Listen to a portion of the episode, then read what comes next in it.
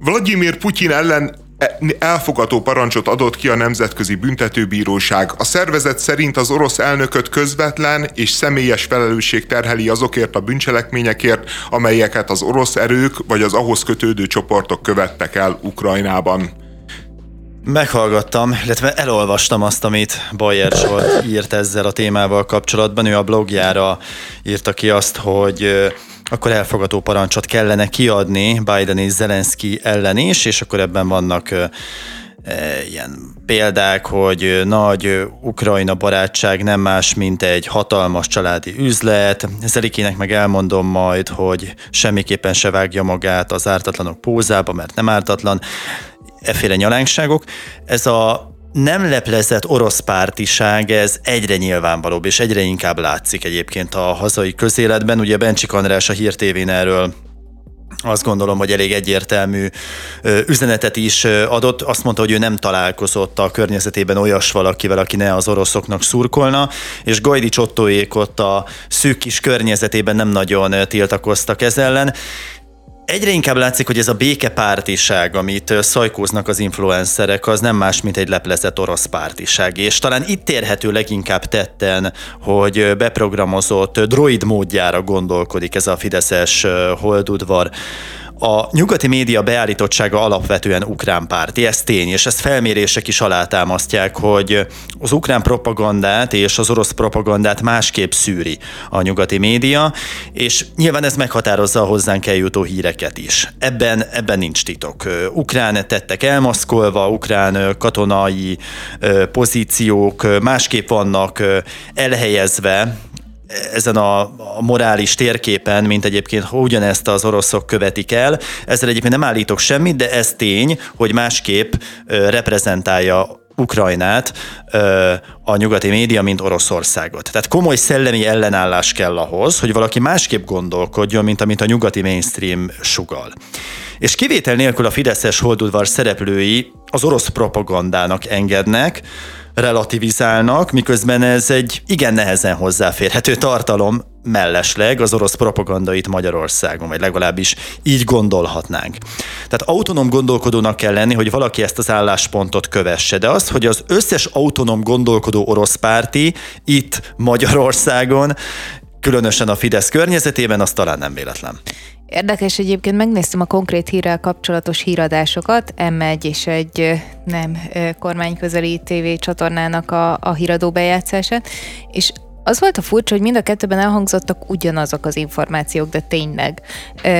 Az érdekesség az, hogy az m az úgy kezdte, hogy ez a hágai elfogató parancs, hát ezt ugye senki nem fogja tudni behajtani, és ezt nem lehet komolyan venni, és még Biden se veszi komolyan, de aztán elmondja, hogy ha bár egyébként ez egy nem olyan szervezet, ami tényleg ki tudja kényszeríteni ezt az elfogadó parancsot, de az, amit mondanak, az megalapozottnak tűnik.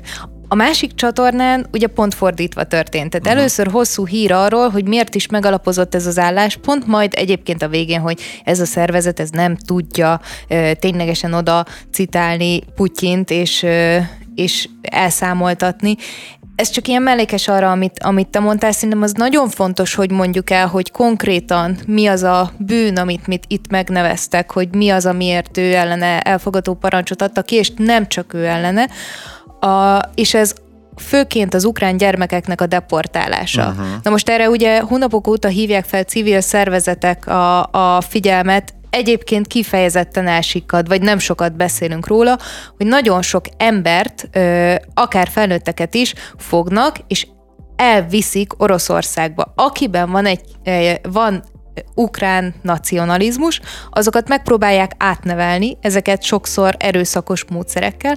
A gyerekeknek a sorsa pedig gyakran az, hogy örökbe adják őket orosz családoknál, és így próbálnak belőlük orosz gyerekeket nevelni, ahelyett, hogy ők a, a saját nemzeti identitásukat megélhetnék, ami hát ezért... a saját szüleik mellett. De hát a saját szüleik mellett, szóval, hogy az a problém, és ezt így ne vegyük úgy, hogy valamilyen bűnökért, háborús bűnökért, mert szerintem ez egy nagyon konkrét, nagyon speciális és nagyon durva történet. Igen, csak probléma ezzel az, hogy hogyha ezért elfogató parancsot adnak ki Putyin ellen, akkor a kínai államelnök ellen vajon miért nem adnak ki elfogató parancsot, mert az újgúrokkal kb. hasonló dolgok történnek. De most Tehát, ne relativizáljuk, mert ettől függetlenül ez egy óriási probléma, én, én, én szerint, amiért mindenkit felelősséggel, tényleg mindenkit igen, felelősségre ezzel foglalkozunk, kéne. az, hogy kivel nem, mert ezen kívül kiadtak elfogadó parancsot más. De, de szerintem fontos, de szerintem, szerintem fontos, tehát a, én, én,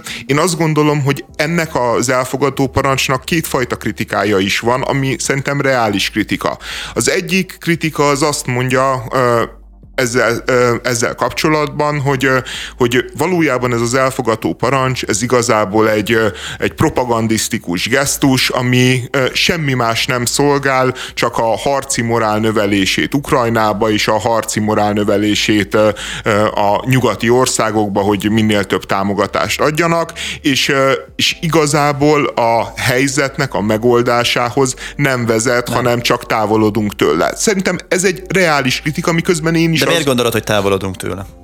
Azért, mert, mert mert hogyha a nyugati világ és a, a, a, mm, a nyugati közvélemény Putyint azt egy közönséges bűnözőként kezeli, akit el kell fogni, meg kell büntetni, börtönbe kell zárni, uh-huh. annak egészen más következményei vannak mondjuk egy béketárgyalás esetében, mint hogyha ugyanez a közvélemény azt gondolná, hogy ez egy rothat, mocskos diktátor, aki, aki viszont sajnos egy adottság, egy atomhatalomnak a vezetője, és, és aki része lesz a világunknak, része lesz az életünknek, jó eséllyel egyébként még akkor is, hogyha ne adj Isten Oroszország elveszíti a háborút. Tehát tehát így... Mondjuk így, ettől függetlenül a háborús bűnökért felelősségre kell majd vonni. De, hát, de ezt mondod, hogy ettől felelősségre biztos, kell. De kell. hogyan? Hogyan, Eszter? Uh-huh. Hogyan? Ki, kiket küldesz el, hogy, hogy fogják el és hozzák el Moszkvából újabb csapatokat, katonákat, mert ehhez az ukrán hadsereg biztosan kevés. Valószínűleg a Krím visszavételéhez is kevés. Ahhoz, hogy a Vladimir Putyint azt elfogjad, és mert felelősségre kell vonni, és ezt te kijelented ilyen kategórikusan, az azt jelenti, hogy azt kell csinálni, mint Hitlerrel, el kell menni Berlinig. Fogni, és, és felelősségre vonni. Én feltétlenül így értem, hogy őt személy szerint akkor citáljuk bíróság elé, de az, hogy egyébként a, a Ukrajna újjáépítésében valamilyen szinten részt kell vállalni Oroszországba. Egyébként mondjuk szerintem az is nagyon fontos, hogy erre a súlyos problémára felhívja a figyelmet, hogy itt tényleg deportálás és átnevelés ö, ö, zajlik éppen. Ezt valahogyan, ha van rá eszközünk, vagy lehet nekem személy szerint nyilvánvalóan nincsen, de hogy, hogyha egy nemzet nemzetközi közösségnek van arra lehetősége, hogy ezt megállítsa, akár vissza is fordítsa, akkor szerintem ebben az ügyben mindent el kell követnünk, hogy, hogy legalább azoknak a gyerekeknek jobb legyen. Nem kell nekem az, hogy a Putyin élete végéig valami sötét veremben ö, ö, legyen elzárva, és onnantól kezdve nem tudom, így mindenki megköpködi öt napi kétszer. Tehát nem erről beszélek, hanem arról beszélek, hogy a háborús bűnök, amiket elkövetett, azok közül azokat, amiket vissza lehet csinálni, annak az újjáépítésében igenis részt kell vennie. Tehát a propaganda részévé emelhetjük egyébként azt, hogy őt háborús bűnössé nevezték ki. Mert az, hogy ezt megtette most ez a bíróság, ez tényleg nem oszt nem szoroz. Az, hogy 123 tagállamban nem utazhat be, hát na bum, esze ágában nem volt elhagyni Oroszországot, és valószínűleg már soha életében nem fogja elhagyni olyan módon, hogy az nincs bebiztosítva, és nem egy baráti országban fog ő landolni, amely jelen esetben egyébként lehet az amerikai Egyesült Államok, ahonnan nem kell őt kiadni.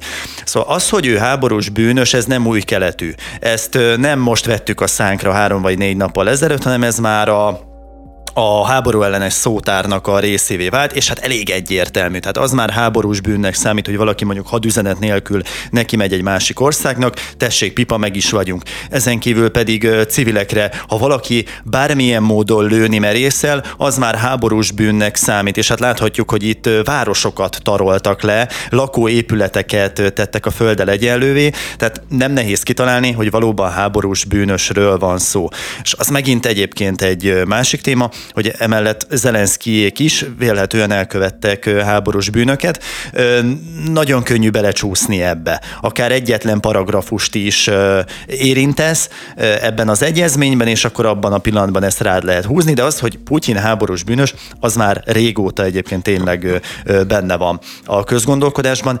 Még annyi, és egyetértek ezt erre, hogy ha ezt úgy kezeljük, mint egy propagandisztikus eszközt, hogy ezáltal beszélhetünk a gyerekdeportálásokról, ami, hát lehet, hogy most súlyosat mondok, de de lehet, hogy, hogy, hogy, hogy keményebb történet, mint az, hogy mondjuk egy lakóépületet lerombolnak, vagy éppen civilekre lőnek, mert ez már olyan, olyan, olyan szörnyű időket idéz, amikor gyerekeket orosz propaganda célokra használva átvisznek a határ túlsó felére, azt, hogy most 6 ezerről vagy 16 ezerről van szó, ez tényleg igazából már csak játék a számokkal, mert 6 ezret mond a, a nyugati média, 16 ezret mond Zelenszky, de már nem tudja letagadni Oroszország. Tehát nem arról van szó, hogy ez nincsen, hanem már ilyen nyilvános videókat készítettek arról, hogy egyébként az árván maradt ukrán gyerekeket átvittük Oroszországba, és orosz szülőkhöz helyeztük el, és akkor ebben a propaganda videóban, anyagban ilyenek hangoznak el, hogy ugye 30 gyermeket átvittek Moszkvába, miután Mariupol alak sorában megtalálták őket, és a gyerekek nagyon negatívan beszéltek az elnökről, Putyinról, mindenféle csúnya dolgot mondtak, énekelték Ukrajna himnuszát, és azt kiabálták, hogy dicsőség Ukrajnának. Majd ugye Putyin hozzátette, hogy miután átadták őket a családoknak, negativitásuk Oroszország iránti szeretetté vált. Hát ez, ez, ez, ez iszonyú, ez ördögi. Nyilván az, és én egyébként még azt is vitatnám, hogy, hogy a Zelenszkit egyáltalán szabad-e, vagy a Biden-t ebbe a kategóriába rakni, mert, mert a morális felelőssége az agresszornak soha nem lehet azonos a, azzal, aki önvédelemből védekezik, és az agressziónak az elszenvedője, de az engem az egész nyugati világ kapcsán, így, amit Eszter te mondtál, és amivel te egyetértesz, Tamás, me- megdöbbent, amikor azt mondjátok, hogy kell, hát ennek így kell lennie, hát könyö, De minek várjál, állj, állj, Hogy felelősségre kell vonni, újjá kell építeni, nem. pénzt kell neki fizetnie, meg kell állítani a gyerekeknek a deportálását. Akkor nem, bocs András, akkor nem figyeltél, mert ezzel a részével nem értettem egyet. Én azt mondtam, hogy tök mindegy, hogy háborús bűnösnek nevezzük el, mert már egyébként is annak nevezik, és letag elfogadhatatlan tettek vannak. Tehát az, hogy egy bíróság azt mondja, ez teljesen mindegy. Én azt mondtam, hogy ez propagandisztikus eszközként hasznos, hogy ezáltal tudunk beszélni például arról, hogy gyermekdeportálások történtek. Én nem beszéltem a felelősségre vonásról, mert azt jelenleg lehetetlennek látom, sőt, veled értek egyet, hogy ez adott esetben akadálya lehet annak, hogy eljussunk egy nyugvó pontra ebben a háborúban. Igen, tehát így, így nem lehet kiegyezni valakivel, és az a helyzet, hogy, hogy ez az ember, ez amíg atomfegyverek fölött diszponál, vonal, addig, addig nincsen opció arra, hogy mi azt mondjuk, hogy ezt kell, vagy azt kell csinálnia, ő azt fog csinálni, amit akar.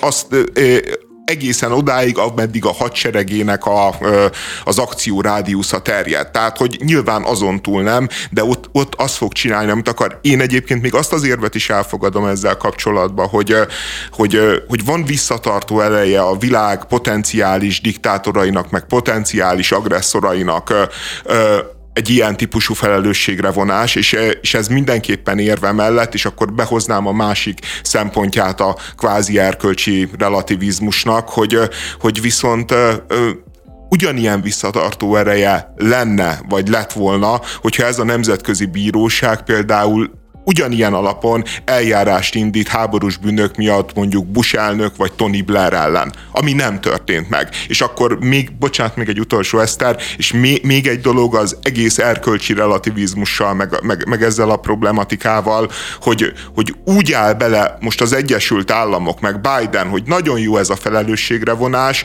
hogy ennek a nemzetközi egyezménynek, ami tiltja és üldözi a háborús bűncselekményeket, ugye ezt a romai statútumba aláírta már 120 ország, egészen furcsa módon Kína és Oroszország mellett ugye ki a nagy hiányzó, az Egyesült Államok. Tehát az Egyesült Államok nem ismeri el a joghatóságát ennek a szervezetnek. Az Egyesült Államok tábornokai elnökei annyi gyilkosságot hajtottak végre az elmúlt 30 évben, amennyit nem szégyeltek, és soha még csak fel sem merült, hogy őket megbüntessék, de hogyha felmerült volna, akkor is azt mondták volna, hogy na-na, nincsen, nincsen joghatóság. Nem írtuk alá. De most az egyik, hogy lehet, hogy én vagyok föltől elrugaszkodott, de az a helyzet, hogy ha van egy osztály, amiben van egy nagyon erős, nagyon magas, nagyon nagy darab csávó, aki terrorizálja a többieket, én az én igazságérzetem akkor sem mondatná azt, hogy jó, de a racionalitás, srácok, az az, hogy inkább adjátok oda az ebédeteket, és utána így haladjunk, mert úgyse fogjátok soha legyőzni a nagy darab srácot. Nekem ez a morális iránytűnbe egyáltalán nem fér bele, és nekem nem fér bele az, hogy azt mondjuk, hogy jó, de itt a racionalitás az az, hogy majd a Putyin megúszza, valószínűleg meg fogja úszni. Ezt én értem. Mondjuk nekem már egy picit az is elég, hogy legalább egyszer az életben nyugat azt tudta mondani, hogy nem hagyjuk neki teljes mértékben, hogy azt csinálja, amit szeretné, mert eddig ez történt. Ezt Orbán Viktor egyébként nagyon sokszor gyönyörűen felvázolta, hogy hogyan tudtunk eddig kimaradni olyan háborús vagy háború közeli helyzetekből, amikor nyilvánvaló volt, hogy egy agresszor valakit éppen bánt, de nem volt racionális érvünk ö, vele szembeszállni. Ezt Egyrészt, másrészt, meg va, ö, bocsánat, még egy csak, mert amire te utaltál, szerintem az nagyon fontos, és ne sikadjon el. Ugye vannak ö, lefektetett szabályok a nemzetközi jogban, amit nyilván baromi nehéz betartani, és, és ez pont gátja annak, hogy egy háborút hogyan kell vívni. Nem véletlenül azért van, mert volt két világégésünk, ebben nagyon egyszerű dolgok is beletartoznak, András, valószínűleg olyanok is, amiket az ukránok is átléptek, nem tudom, például, hogyha, hogy a, a saját katonai egyenruhámat kell viselnem, vagy például nem ö, lőhetek ugye vörös kereszt ö, jelképpel ö, jelzett épületekre. Ezeket a pontokat, ezeken végig lehet menni, és ezeket majd meg lehet nézni, hogy ki hol rontotta el, és ki mit csinált, és azokért viszont meg legalább csak mondjuk ki, hogy ki a felelős, aki elrontotta, és ebben igazad van Tamás, hogy ezt a nulladik pillanattól látjuk, és érezzük, uh-huh. és mhm. kimondjuk, de azt mondom, hogy nem biztos, hogy baj, hogyha van egy utólagos. Én, én mindkettőtöket értem, viszont tehát jog szerint felelősségre vonni, háborús bűnösnek kinevezni, és ezáltal belépni Oroszország területére, tehát tegyük föl, hogy akkor békét kötöttek vége a háborúnak, és ezután Oroszország területére belépni, onnan kicibálni, elhozni Putyint és Hágában bíróság elé állítani, ezt nem látom valószínűleg, hogy ez, hogy ez megvalósulhat, nagyjából a lehetetlenne legyen értékű. Akkor lehet felelősségre vonni Putyint, ha az ő közvetlen köre megbuktatja őt. Tehát ha, ha az a katonai vezetés, vagy politikai vezetés, amely ott van körülötte, vagy már szerveződik valamiféle ellenzék, az megbuktatja, és ők kiadják egy olyan országnak, ahonnan aztán majd valóban el lehet őt szállítani. De ö, teljesen igaza van Andrásnak, hogy ha, ha lecsengez a háború, utána egy hadsereggel bevonulni, vagy egy, akár csak egy helikopterrel bevonulni, és onnan kicibálni, annak, annak brutális következményei lehetnek, mert onnantól kezdve azt mondhatja Oroszország, hogy na tessék, Na tessék, mi ettől féltünk? Ettől féltük, hogy eljönnek Moszkváig, és már is itt vannak. Ettől függetlenül kívánatos. Tehát, hogy én nem azt mondom, hogy Szerintem menjünk kív- be, és... Szerintem tudod, ez a retorika, ez azért nem kívánatos, mert, mert nyilván ez nem fog megtörténni. De nem az a kívánatos, a, a hogy pro... vonuljon be egy hadsereg, a... hanem hogy mondjuk ki, hogy itt igenis történtek háborús bűnök. A, a, de ezt messze Jó, mondjuk ki, de ez megtörtént. Sokan, sokan kimondták. A, a probléma az, hogy például a hétvégén nyilatkozott a le, Franciaországban lévő lengyel nagykövet, tehát a lengyelországi francia nagykövet, ami azért a, nyilván a lengyel diplomáciában azért egy nagyon magas poszt, és azt mondta, hogy, hogy elképzelhető olyan helyzet, hogy Ukrajna nem tudja védeni magát, és be kell vonulni csapatokkal is Ukrajnába. Tehát én, én, én egész egyszerűen azt látom, hogy így szabadul el az őrület, és így ne, nem, nem érzik az emberek a súlyát, hogy, hogy tök igazad van, Eszter. Persze, morálisan teljesen igazad van, csak amikor egy kocsmába éppen tömegverekedés készülődik, és az emberek már a bicskához nyúlnak, akkor, akkor egész egyszerűen életveszélyes dolog azt ő, súlykolni, hogy el fogunk kapni, el fogunk kapni, meg, meg leszel büntetve, neked most már nincsen remény, ki fogunk csinálni téged. Mert, mert az, a, az a figura, aki elő, eddig ütött meg, rugott, most már a bicskájához nyúl, és, és, és a Putyinnak a rugós kése az az, az atom.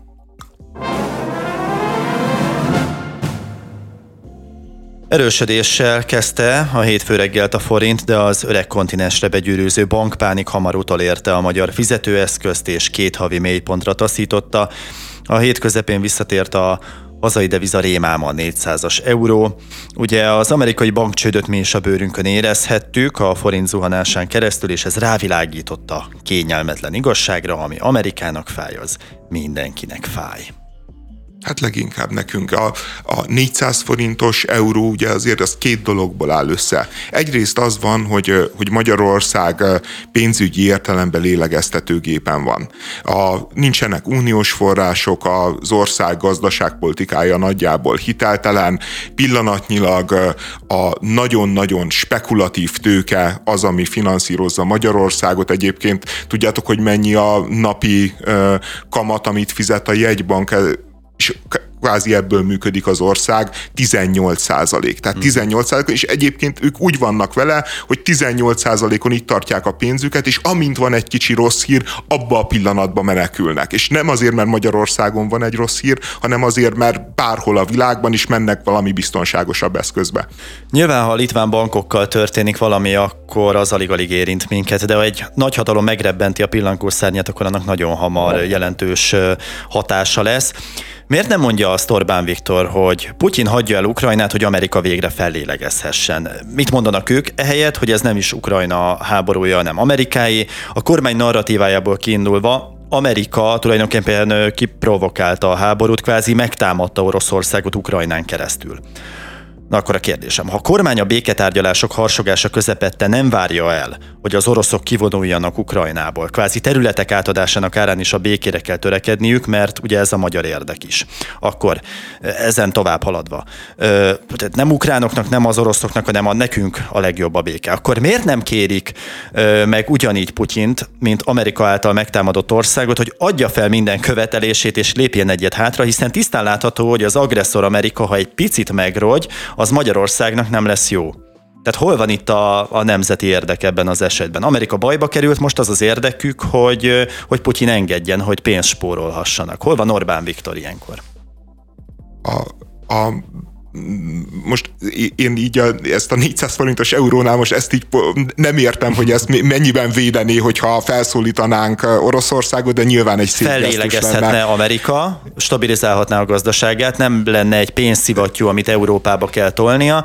De nyilván Magyarország felszólítására, hogy Amerika, úgy Oroszország sem fogja a maga érdekeit, meg a maga döntéseit különösebben befolyásolni. De csak a logika miatt mondtam, nyilván a, van benne irónia. A másik, ez a 400 forintos fontos euró, tehát hogy egyrészt összeáll abból, hogy a magyar gazdaság iszonyatosan törékeny. Másrészt ugye Svájcban a Credit Suisse-nek a cső, csődbe menetele az, ami a konkrét oka, ami miatt most így hirtelen nagyot zuhant a forint, és egyébként ez egy hihetetlenül izgalmas meg érdekes történet például, ahogy a svájci bankhatóság kezeli ezt az egész helyzetet, ugye az történt, hogy csődbe ment a Credit Suisse, erre svájci hatóságok azt mondták, hogy és valószínűleg ez így helyes is, hogy nyilván hatalmas állami pénzekből megmentik, és be, belerakták az egyel nagyobb, még van nála egy nagyobb svájci bank, abba belerakták, tehát most már van egy olyan óriási svájci bank, amivel, hogyha bármi történik, akkor vég, végleg nagyon nagy baj lesz a kontinensen, meg az egész pénzügyi szektorba. Tehát létrehoztak egy mamutot. Azt mondta a svájci állam, hogy ö, 100 milliárd frankig ö, biztosít nekik likviditást, tehát hogy óriási pénzeket mozgatnak, hogy, hogy működjön a történet, és hogy visszatérjen a befektetői bizalom. Majd mindemellett egy nagyon-nagyon unortodox lépésként azt csinálták, hogy és, és a hétvége bankpánikának ez a, az alapvető kiváltó oka. Azt csinálták, hogy azt mondták, hogy a részvényeseknek a a mm, részvényeiért cserébe, amik egyébként semmit nem érnek gyakorlatilag, mert, mert azt tudjuk, hogy az egész cég egy pénztemető. A részvényeseknek azért kifizetnek 3,5 milliárd mm, dollárt, azt hiszem, tehát 3,5 uh-huh. Mhm. milliárd dollárt egy olyan cégért, ami azt se tudják, hogy hány 10 milliárd mínusz,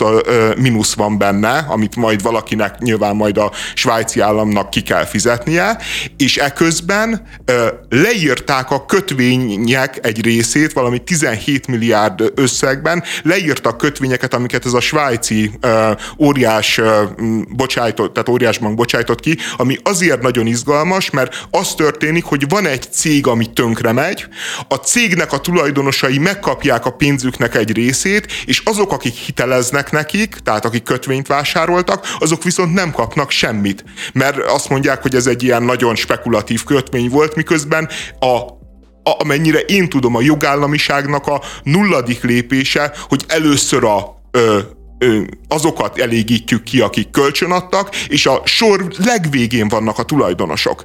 És a Svájc egy ilyen végtelen unortodox gesztussal az egészet felrúgta, és azt mondta, hogy nem a tulajdonosok vannak a végén. Nem a tulajdonosok, a tulajdonosok igenis kapják meg a maguk kis három és fél milliárdját, így is buktak eleget. A kötvénytulajdonosok. Na azok, azok nyilván egyébként kevésbé svájci érintettségű emberek, na azok, azok így jártak.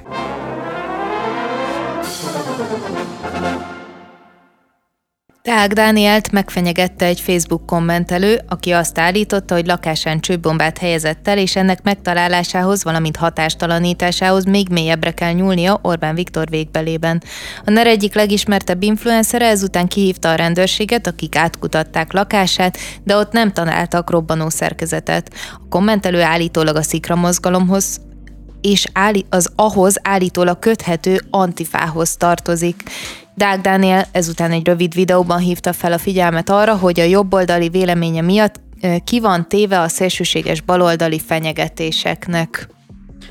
Hát komolyan kell venni nyilván ezeket a fenyegetéseket, tehát nem beszélhetünk arról, hogy kommentben nem lehet uszítani, nem lehet halálosan megfenyegetni valakit, amely akár valós félelmet is kiválthat. Ez egy tükörsima történet, nyilván Dani, amikor ezeket elolvasta, és miután ott van az Orbán Viktoros kis félmondat, egyértelmű, hogy, hogy valós fenyegetésről nem volt szó, véletlenül nem is ilyet meg, fölhívhatta a Megafon vezért, vagy pedig a Megafon vezér szólt rá egyébként, hogy figyú, van itt egy ilyen, és akkor ebből gyorsan rittyentsünk egy ilyen, ilyen nagyon félős üzenetet. Ugye azt mondta, hogy döbbenetes, hogyha vállalja véleményét a baloldal miatt, akkor ő félelemben kell élnie az embernek. Tehát igazából ügyesen csinálta, ügyes politika gyakorlás szempontjából ügyes, amellett pedig nyilván gátlástalan, de hát Deák Dániel. Igen, a De- Deák Dani egyébként azt csinálja, mint amit a Márko Materedzi csinált a VB döntőn az Idánnal, ugye csak ő az egész magyar társadalommal, és, vagy legalábbis az ellenzéki szavazókkal. El, mondd el, hogy a, a Materazzi, aki ugye az olasz válogatott védője volt, az egész mérkőzésen folyamatosan provokálta a, Zidánt. Válogatott sértéseket vágott a fejéhez, csípte, rúgta, harapta, mert tudta, hogy a Zidán az egy, az egy viszonylag gyenge idegrendszerű játékos, és hajlamos arra, hogy, hogy elkattanjon. És jött egy pillanat, amikor a Zidán tényleg lefejelte a Materazzit, a Materazzi akkor elesett, áldozati pózba vágta magát, hópihéskedett, a bíró meg leküldte az idánt, emberhátrányba kerültek az egyébként sokkal jobb franciák, és Olaszország világbajnok lett. És a, a Deák Dani az pontos ugyanezt csinálja. Folyamatosan provokálja a magyar társadalmat, az ellenzéki szavazókat, és várja, várja, várja, hogy valaki elkattanjon, és hogyha elkattan, akkor tudja ö, demonstrálni a maga áldozati szerepét. Én egyébként ö, tökre egyetértek azzal, hogy, hogy, hogy hogy valakit bombával fenyegetni, halállal fenyegetni, az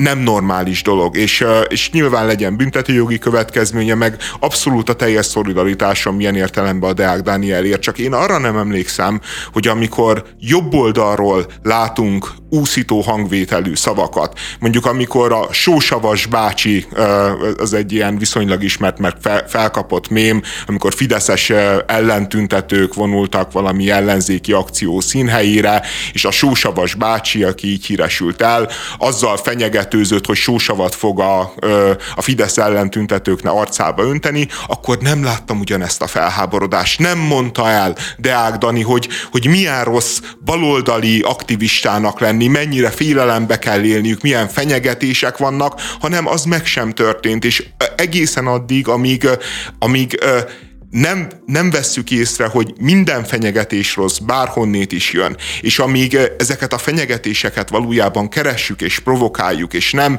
megnyugtatni, nem lehiggasztani akarjuk a társadalmat, hanem minél, minél durvább tűzben, minél durvább uh, indulatban tartani, addig, uh, addig uh, a Deák Dani egyszerre áldozat és egyszerre elkövető.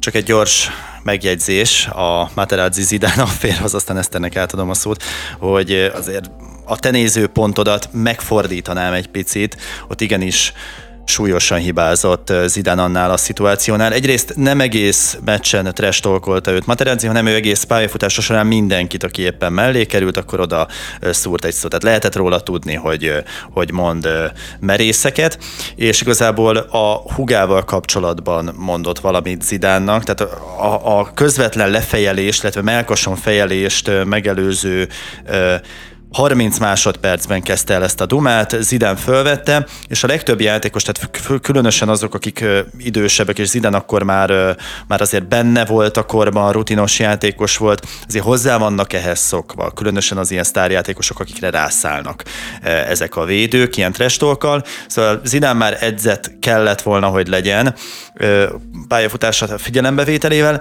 másrészt pedig nem volt ez egy annyira súlyos sértés, hogy ezt így kellett lereagálni reagálnia. Mert ezt úgy is meg lehet torolni, hogy mondjuk 16-oson belül mellé keveredik a védőnek, és akkor ott tudom én bele könyököl egyet a melkosába vagy az oldalába, ezt úgy is lehet, meg úgy is, hogy megfordul az ember, és mint egy bika beleöklel a melkosába, egyértelművé téve hogy őt ki fogják állítani. Tehát Zidane ott, ott, ott óriásit hibázott, Materazzi meghozta a formáját nyilván.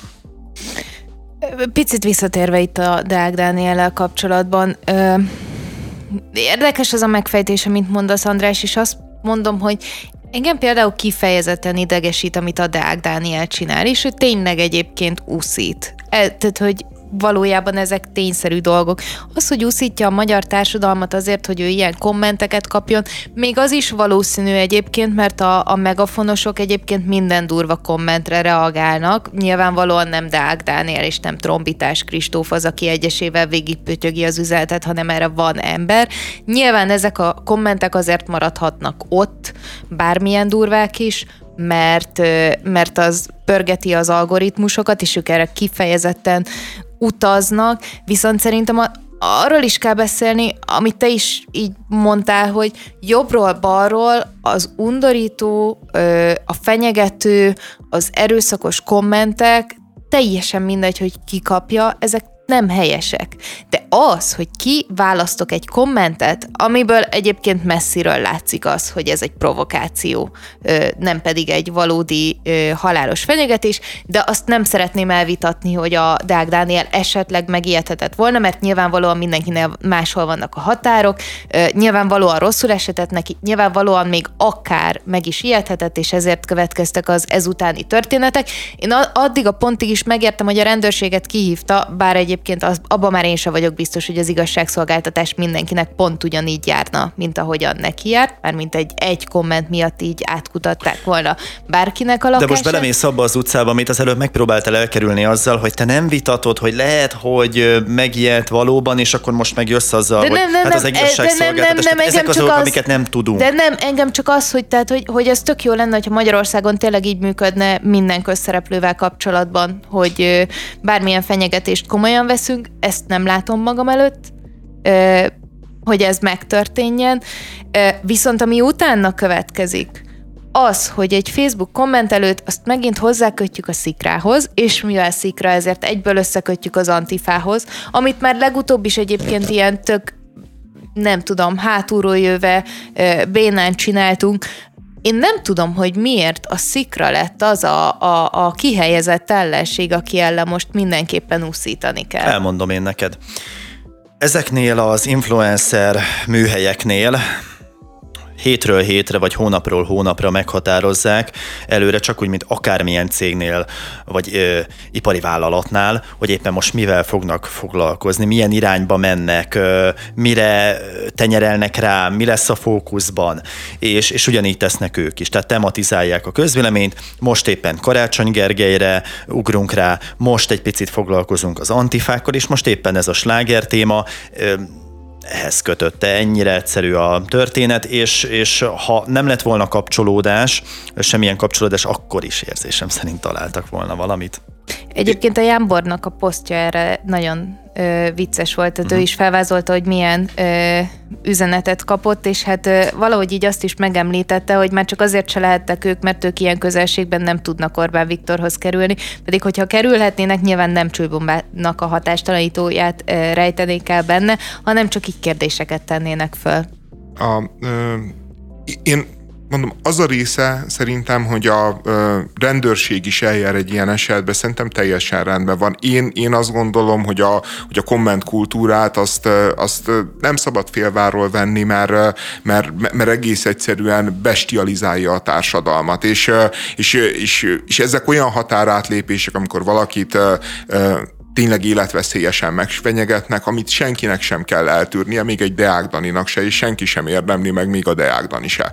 A, a másik része az, hogy kimegy a rendőrség, ezt én nem tudom, hogy ez így máshol is kimenne, hogyha jelezni valaki, hogy őt megfenyegették csőbombával, de egy biztos, hogy a Sádöl ügybe az, hogy ki a Tóni, ki a Barbara, meg ki a nem tudom én kicsoda, az, az hónapok óta megfejthetetlen rejtély a rendőrség számára, addig két nap alatt beazonosították ezt a Facebook kommentelőt. Nyilván nem ugyanakkor a kihívás, persze, én nem, nem, nem állítom, hogy ez ugyanakkor a kihívás, de azért érdekes módon nagyon-nagyon gyorsan a végére jártak az ügynek, nagyon-nagyon hatékony, tehát tud nagyon hatékony lenni a magyar rendőrség, és nagyon gyors is, és, és, és egyébként úgy kötötték össze a szikrával ezt a, az embert, hogy, hogy valami antifa posztot lájkolt azt a, annak az antifának, ami egyébként nem is egy szervezet, hanem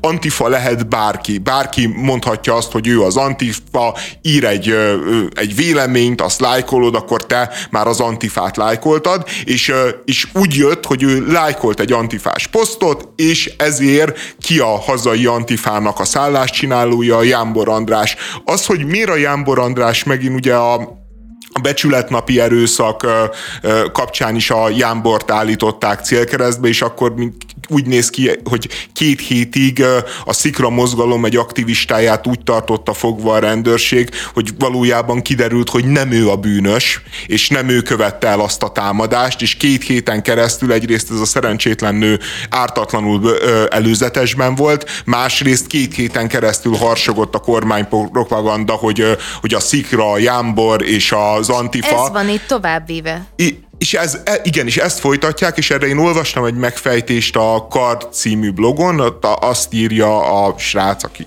vagy a srácok, akik csinálják a blogot, hogy ők úgy gondolják, hogy, hogy szerintük azért került a szikra célkeresztbe, mert, mert az Orbánék azok nem látnak ellenfelet az elkövetkező négy-hat évben, aki potenciálisan kihívhatja őket, de ö, mikor a Gyurcsány nyugdíjba fog vonulni, akkor, ö, akkor vélhetően meg fog valami jelenni a színen, és, ö, és azt mondja a Karnak a bloggere, hogy úgy szerinte a NER úgy azonosítja, hogy ez a Jámbor és a Szikra mozgalom lesz, mert hogy nagyon átélhető üzenetük van, ez a fizessenek a gazdagok, ami ilyen rühellek, és soha nem szavaznék olyan szervezetre, amilyen primitív módon kommunikál, de hát állítólag ez a e, na, nagy előnye többek között a Szikrának, meg hogy a Jámbor egy hiteles arc, meg arról, arról építkeznek, de szerintem egyébként a Jámbor, Jámbor tényleg egy hiteles arc, meg, meg nyilván egy, ez, a, ez a marxista baloldali szub szubkultúrának, aminek azért része a partizán,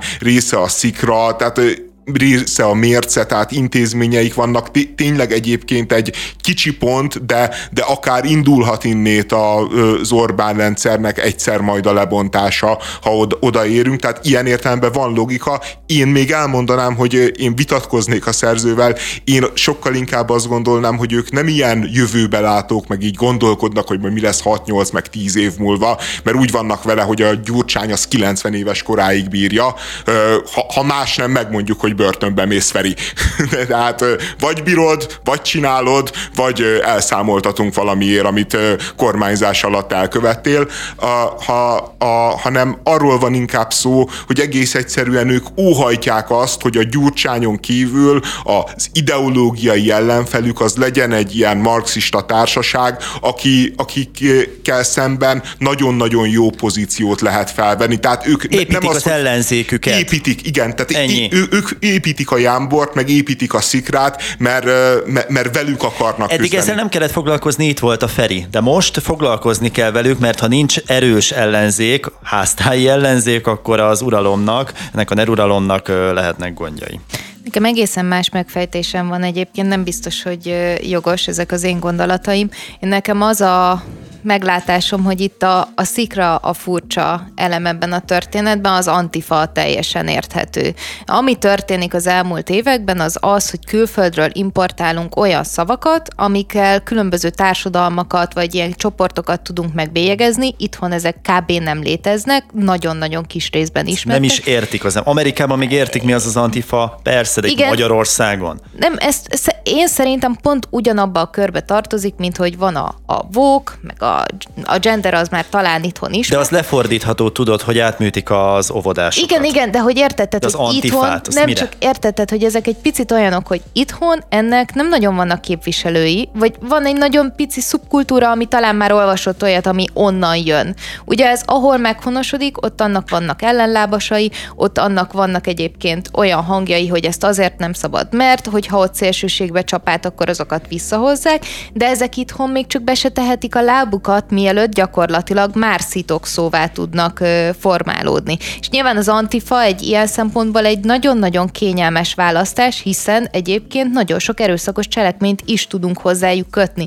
Csak ami tényleg furcsa, és nekem hibázik, és nem tudom megfejteni, lehet, hogy azon András, amit te mondasz, az az, hogy a Jámbor Andrást miért kell egy ilyen mellé keverni.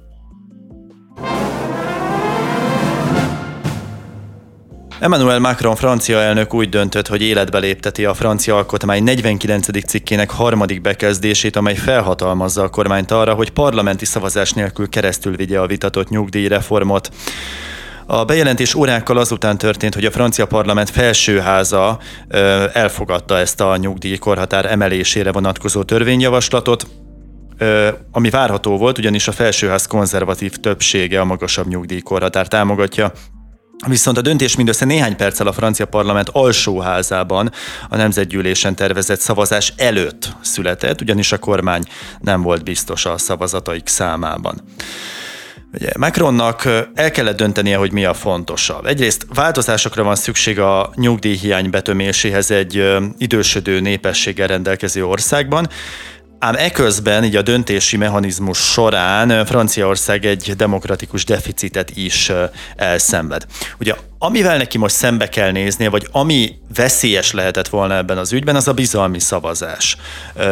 És ezt tette ő mérlegre az alsóházi győzelemmel. Miután az alsóházban a konzervatív Le Republicainre számíthat, így aztán valószínűleg meg is egyezett velük előre, így aztán biztosra ment, és akkor inkább ezen cikkei mentén átütötte ezt a törvényt. Egyébként tényleg nem ördögtől való, amit akar Macron, hiszen Franciaország nyugdíjasainak száma 2050-re várhatóan 16 millióról 21 millióra nő, és az államadóság az brutálisan magas, jobban összhangba hozhatják az EU-s szomszédos országokkal, és 43 év munka lesz szükséges a teljes nyugdíjhoz, csak úgy, mint egyébként ott a nyugati, Nyugat-Európában a legtöbb nemzetnél. Itt azt is neki azt gondolom érlegre kellett tenni, hogy a népszerűsége az elmúlt hónapokban megzuhan. Tehát 4-5 százalékpontokról beszélünk. És 2027-ig maradhat ő biztosan hatalmon, hogy ezután egy ilyen húzás után az ő krédója, szakmai hitele az, az nem sérül-e annyira, hogy mindenféle szempontból keresztbe fognak neki tenni. Ugye Macron egy konszenzusosabb, kevésbé felülről lefelé irányuló stílust ígért a francia politikának, amikor belépett, és ezzel most totálisan szembe megy. Tehát lehet, hogy ezt a csatát megnyeri, de száz másik ügyben a hátralévő pár évben mondjuk esélye sem lesz emiatt.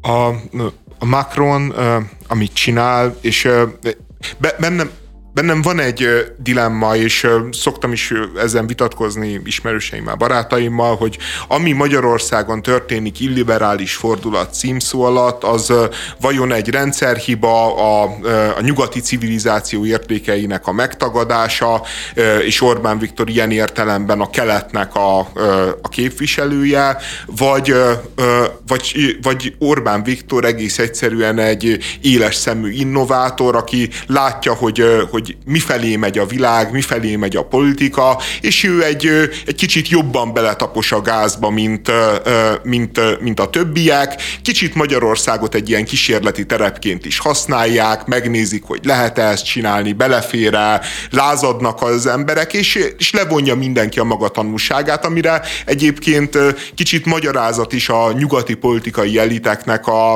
a, a hosszú, majd egy évtizeden át tartó teljes rezignáltsága a magyar jogállam lebontása kapcsán. És, és most ma ugye volt ez a svájci bankmentés, ami egy nagyon durva illiberális gesztus, és most látjuk, hogy hogyan fogadják el Franciaországban a nyugdíjtörvényt, tehát értelmezzük, a parlament nem szavazhatott arról, tehát a választott képviselők nem szavazhattak arról, hogy életbe lépje a törvény vagy nem, hanem a Macron kvázi rendeleti kormányzással eldöntötte és bevezette. És, és, és ilyenkor azt gondolom, hogy inkább lehet, hogy tényleg a második a, a reális alternatíva, és Orbán Viktor egy innovátor, látja azt, hogy mifelé megy a politika a nyugati világban, és mi hát nem is egy orhosszal, hanem egy jó testhosszal előttük vagyunk, de, de azért szorgosan jönnek mögöttünk az illiberális testvérek, mint a svájci jegybankárok vagy Emmanuel Macron. Na jó, csak itt azért az van, hogy az Orbán Viktor az alaptörvényt is úgy módosítja bármikor, gyakorlatilag egy éjszaka alatt, ahogy a nő szeretné. Tehát egy picit más a szabályoknak az átírása ö, oly módon, hogy nekem tökéletes legyen, mint hogy rossz szabályokat kihasználunk. És ha már itt tartunk, szerintem Orbán Viktor inkább azt csinálja, hogy pontosan látja a demokráciákban lévő hézagokat, lyukakat, azt is látja, hogy hogyan lehet ezeket kihasználni. Egyébként szerintem tökéletesen látja a magyar néplelket. Tudja, hogy hogyan kell ez a kulcs. hatni rá. Ez a kulcs. Ő tényleg azt tehát, hogy ő valójában fogja, és, a, a, és kihasználja azt, ami adatot neki. Ez történt egyébként most Macronnál, csak így a törvényhozásban szerintem ezt a kettőt nem kéne összekeverni, mert a franciáknál van egy ilyen beépített dolog, ami nem túl szép, meg nem túl kedves, meg én se fogadnám el feltétlenül, és azt használta ki a Macron. Itthon meg az van, hogy ha éppen nincsen kedvünk tényleg három-négy napig várni egy alaptörvény módosításra, akkor háborús veszélyhelyzet van. Ez egy picit más történet szerintem.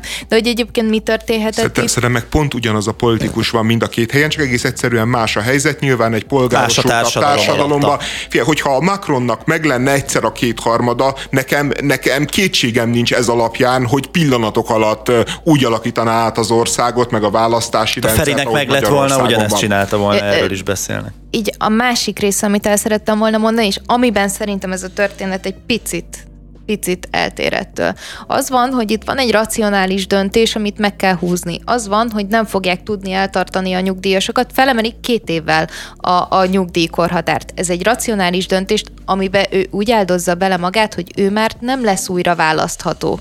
Valójában már csak a pártjának a népszerűségét áldozza be ezzel kapcsolatban. De itt nem arról van szó, hogy kiátszom és rosszat teszek másoknak, hanem van egy olyan racionális intézkedés, ami nyilvánvalóan nem népszerű, és ezt ő úgy gondolta, hogy át kell vinnie, és erre lehetősége volt. Orbán Viktor hívei is mindig a szent racionalitásra, meg a szent nemzeti érdekre hivatkoznak. És, De nem ugyanaz és, a fenntartható nyugdíjrendszer, és, mint mondjuk a, a melegek összemosása de, a pedofíliával. De, hidd, hidd el, hogy az ő szemükben nagyon is ugyanaz. Azt és, értem, de és alapvetően Spanyol, nem Spanyolországban ugyanaz. ugyanúgy van nyugdíjreform, és valahogy az ottani kormányzat képes volt konszenzus teremteni, és nem a nyugdíjkorhatár emelésével, hanem például egy rugalmasabb nyugdíjrendszer kialakításával válaszolt a dologra. Ez, ez kőkemény erőpolitika, és, és e, engem például ez is megijeszt, tudod, hogy, hogy itt, itt van valaki, aki Orbán Viktorként működik, és azt mondjuk, hogy á, nem is baj, nem Orbán nem Viktor. Nem ugyanaz.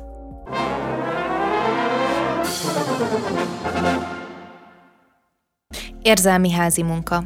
Azt a befektetett időt és energiát jelenti, amit a kapcsolatok ápolásával, figyelemmel kísérésével, a családi élet és a mindennapok szervezésével, a magunk és a párunk érzelmi életének ápolásával töltünk. Ezt a munkát hagyományosan a nők töltik be, és ezért semmiféle kompenzációt nem kapnak, erre hívja fel a pop-pszichológia és a feminizmus feminizmus bizonyos képviselői a figyelmet. Eredetileg Erli Hochschild szociológus írta le az érzelmi munka fogalmát 1983-ban. A tudományos életben ez arra vonatkozik, hogyan kell a munkavállalónak az érzelmeit és azok kifejezését a munkahely igényeinek megfelelően szabályoznia. Ezt a fogalmat vonatkoztatták később a családon, illetve párkapcsolatokon belüli egyenlőtlenül eloszló, a kapcsolat fenntartásáért végzett érzelmi házi munkával. Ugye ez egyszer már szóba került az adásban, ö, András mondta a fogalmat, és akkor kifejezetten arra voltunk kihegyezve, hogy ebbe az is beletartozik, hogy például meghallgatom otthon a páromnak a... Nagyon fel ilyen... voltál háborodva? Én nagyon fel voltam háborodva, és egyébként minél többet olvasok róla, ö, azt gondolom, hogy ez egy ilyen... Egy Feminista hülyeség. de, de nem, András, szerintem nem feminista hülyeség, hanem emberi hülyeség. Tehát azt gondolom, hogy amire ez a fogalom felhívja a figyelmet, az valójában egy rosszul működő párkapcsolat. És abba egy ponton túl, mert hogy amikor nekem munkaként kell megélnem azt, hogy foglalkozom a párom érzelmeivel, az valószínűleg azt jelenti, hogy én nem szeretem, vagy nem kötődök annyira a páromhoz, Főleg, hogyha ezért semmilyen kompenzációt nem kapok, amit én megkövetelnék, ebben az esetben valószínűleg nekem le kell lépnem abból a kapcsolatból. És itt egyébként bejöhet a feminizmus, ö, vagy a feministák képviselői felhívhatják arra a figyelmet, hogy nagyon sokszor nők nem tudnak kilépni bizonyos kapcsolatokból, csak ezek a nők általában olyanok, akik egzisztenciálisan függenek a párjuktól, és valószínűleg a legnagyobb probléma nem az, hogy nem kapnak elismerést azért, mert meghallgatják a másiknak az érzelmi problémáit. Leragadsz ennél a példánál, de én tovább olvastam, és ebben olyasmi is benne van, lehet, hogy erről már beszéltetek, hogy a családanya, aki tudja, hol az okni, fejben tartja, hogy mikor fogy el a kenyér, vagy mikor kell a számlákat befizetni, vacsorával várja haza a családot egy nehezebb nap után is. Tehát ilyesmi is benne van. Saját példából indulok ki. Aztán azt, hogy meghallgatni a másiknak a lelki bajait, az azt szerintem egy, egy külön topik, mindegy, arról is beszélhetünk, de Nekem az a tapasztalatom a feleségemmel, hogy ha ketten vagyunk otthon, akkor, és meg kell osztani mondjuk a gyerekekre való odafigyelést, akkor sokkal kevésbé figyelek én oda, és ő is egyébként hasonlóról beszélt, mintha egyedül vagyunk. Tehát az ember hajlamos a könnyebb ellenállás felé elfolyni. És és, és, és keresi azokat a lehetőségeket az idegrendszere is, amikor nincs folyamatosan egy tudatos állapotban, egy megfeszült figyelmi állapotban, hanem lelazulhat. Talán ennek is köszönhető az, hogy munka után a főműsor időben nagyon könnyen fogyasztható filmek mennek, mert egyébként erre vágynak valóban az emberek, amikor a megfeszült munka után egy kicsit lazíthatnak, és akkor nem akarnak egzisztencialista, meg realista művészfilmeket nézni, és a világ rejtélyeit megfejteni, tudom én, orosz rendezőkkel. Ez, ez tökre érthető. És mondjuk a gyereknevelés terén is ez így, hogy ketten ott vagyunk, akkor, akkor mind a ketten alább lejjebb csavarjuk egy picit a potmétert, főként én, de ez nem helyes. Én ezt tudom, hogy nem helyes, mert kialakul egy ilyen egymásra várás. És a párkapcsolatban az, hogy tehát ha ez nincs szabályszerűen lefektetve, hogy ki az, aki a, a beteszi a, a mosást, aki a, a zoknikra odafigyel, aki párosít, aki, aki takarít, és akkor csekket befizet, meg még sorolhatnám, akkor, akkor így ez szétfolyhat, és akkor érezheti úgy a nő, aki nyilvánvalóan gondoskodásban előrébb jár, tehát neki nagyobb, eh, hogy mondjam, már neki megvannak ez a biológiai szkíjei, hogy, hogy, hogy ebben ügyesebb hogy legyen. Tudja, hogy hol van az okni. Így van, nem maga a gondoskodás, hogy, hogy egyben tartson valamit, hogy ezekre az apróságokra, a keretekre odafigyeljen. Ö, akkor, akkor a férfi leengedhet. Tehát nekünk sokkal inkább szembe kell menni érzésem szerint az árral, de lehet, hogy tényleg bután gondolkodom ebben, és szexista vagyok, de hogy nekünk, nekünk nagyobb erőfeszítésre van szükségünk, hogy ezeket az apróságokat betartjuk, ha nincsenek lefektetve a szabályok, és, és ilyen egy, egymásra várás alakul ki, akár gyereknevelés, akár bármilyen más téren.